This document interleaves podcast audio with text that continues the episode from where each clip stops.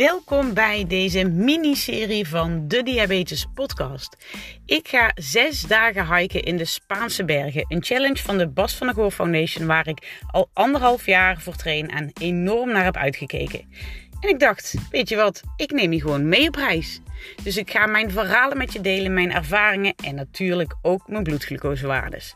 Veel luisterplezier.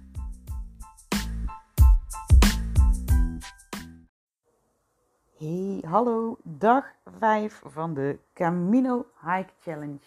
Waarin ik je meeneem om te vertellen hoe het ging vandaag.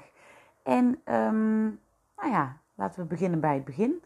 Ik start het ontbijt vandaag eens niet met mijn veilige yoghurtje met uh, fruit. Maar ik dacht, ik ga nu eens voor waar ik echt zin in heb.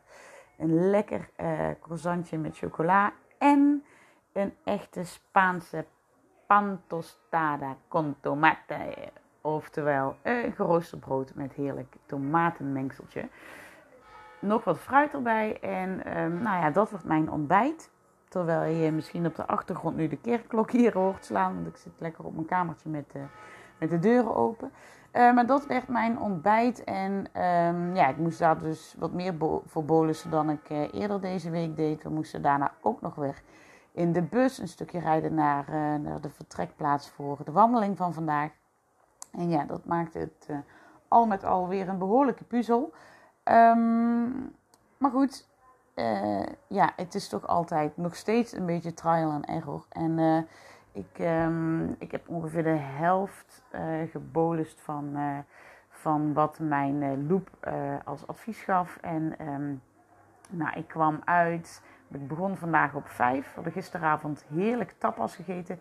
En wat is er fijner dan na een dag zoals gisteren, als je de podcast van gisteren hebt geluisterd, uh, de avond helemaal goed te zitten. Ik had uh, nou, tijdens het tapas eten bleef ik zo rond de 7 schommelen en de hele nacht rond de 5. Dus dat was echt, dankjewel Loep, je hebt me weer gered. Dat was echt fantastisch. En ja, nu na het ontbijt eh, steeg ik langzaam naar negen. Maar toen moesten we drie kwartier in de bus. Dus dat is vooral stilzitten. Vooral, dat is stilzitten.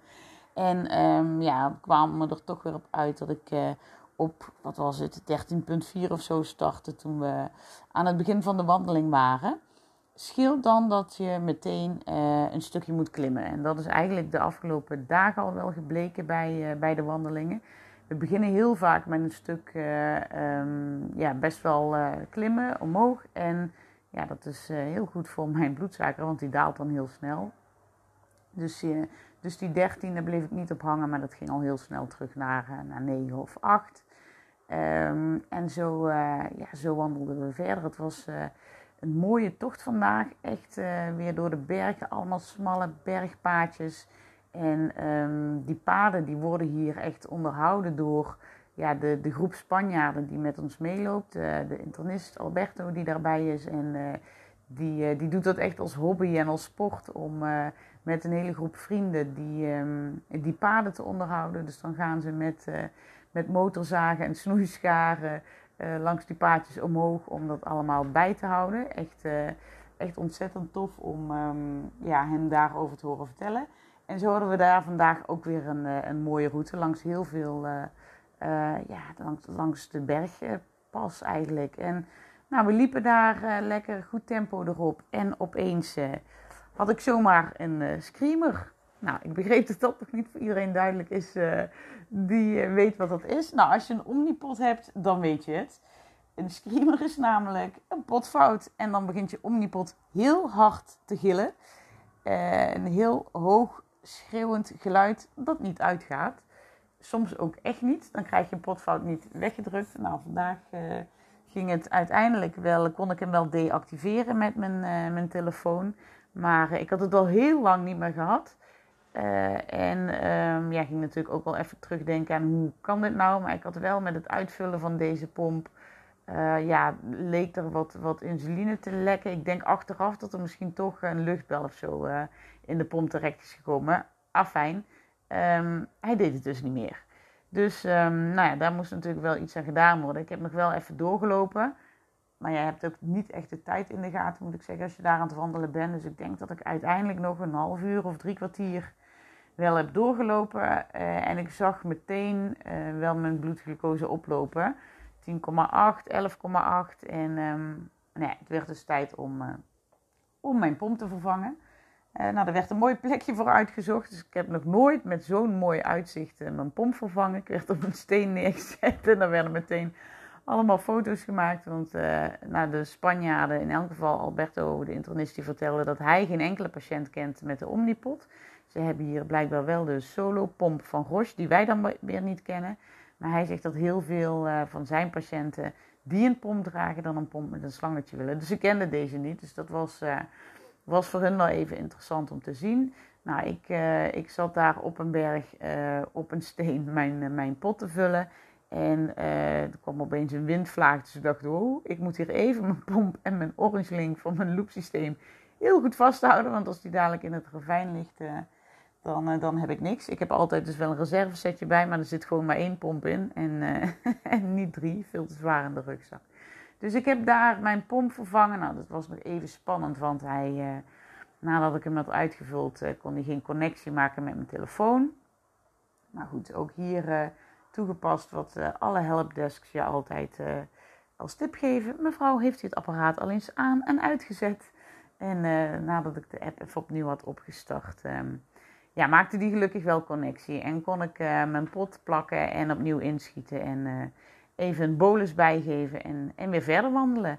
En um, zo liepen we naar de lunchplek, waar we, nou, we waren vandaag wat later begonnen, dus uiteindelijk om 12 uur bij de lunch. Ook daar een keer niet um, mijn koolhydraatarme crackers erbij gepakt, maar gewoon het witte stokbroodje wat we hier als lunch meekrijgen, um, half opgegeten. Niet helemaal, dat vond ik een beetje too much qua koolhydraten. Maar ja, ook dat was dus wel weer even, ja, even uitproberen van wat ik nu um, daar aan koolhydraten moest, uh, voor moest invoeren. Uh, niet te ruim gedaan, want ik vind het dan vervelender om al heel snel weer in een hypo te lopen. En een hyper, die, uh, die loop je er wel, uh, wel makkelijk uit. Ik steeg ook echt binnen een half uur na de lunch door naar, naar 14. Maar ook dat zakte met de nodige inspanningen alweer snel naar 10. En zo heb ik eigenlijk zonder problemen de rest van de route uitgelopen. Het begon na de lunch wel te regenen. Um, nou weet ik dat er eigenlijk geen slecht wandelweer is, alleen slechte wandelkleding. Dat wordt dan wel eens gezegd. Nou ja, dus iedereen trok zijn poncho aan en ik heb de hele week al rondgezult met die poncho in mijn rugzak. Maar vandaag, nee eigenlijk gisteren had ik hem eruit gedaan omdat het gisteren 30 graden was. En vandaag had ik hem niet terug in mijn rugzak gedaan. Dus uh, geen poncho, maar en ook geen, geen vestje met lange mouwen. Dus ik heb gewoon, nou hoe lang zal het geregend hebben, toch ruim een uur lekker in de regen gelopen. En uh, was eigenlijk wel prima. Gewoon, uh, nou ja, weet je, dat, dat, uh, nou, die connectie met de natuur of zo. Ik vond het eigenlijk, eigenlijk helemaal goed. Het was niet koud. Ik denk dat het rond de 20 graden nog was. En um, nou, in de regen gelopen en daarna werd het, werd het droog en droogt het dan ook wel snel weer op. Alleen de paden die we liepen, die werden wel best wel wel glibberig. Eh, dus het was goed, goed uitkijken geblazen. En uh, nou ja, toen we beneden kwamen, na eh, wat zal het zijn geweest, een kleine 20 kilometer, toen stond er weer een mooie buffet op ons te wachten met ehm, Spaans eten en lekker drinken. En ja, hebben we daar even na kunnen kletsen. Later in de bus. En we waren laat terug vandaag. Het was volgens mij bijna half acht. Het is nu tien over acht. Dus ik ga deze podcast uh, gauw online gooien, zodat jullie allemaal weer kunnen luisteren. En dan gaan wij weer eens even wat lekkere Spaanse tapas opzoeken. En hopen dat mijn bloedglucose daar net zo rustig op reageert als gisteren. Ik zeg alvast buenas noches y hasta mañana. Oh ja, en als afsluitertje mogen jullie nog even luisteren naar hoe gezellig het was in de bus op de terugweg. Tot morgen!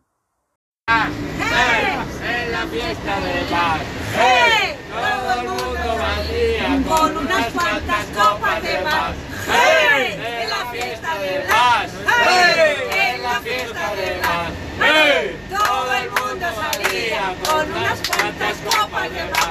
¡Hey!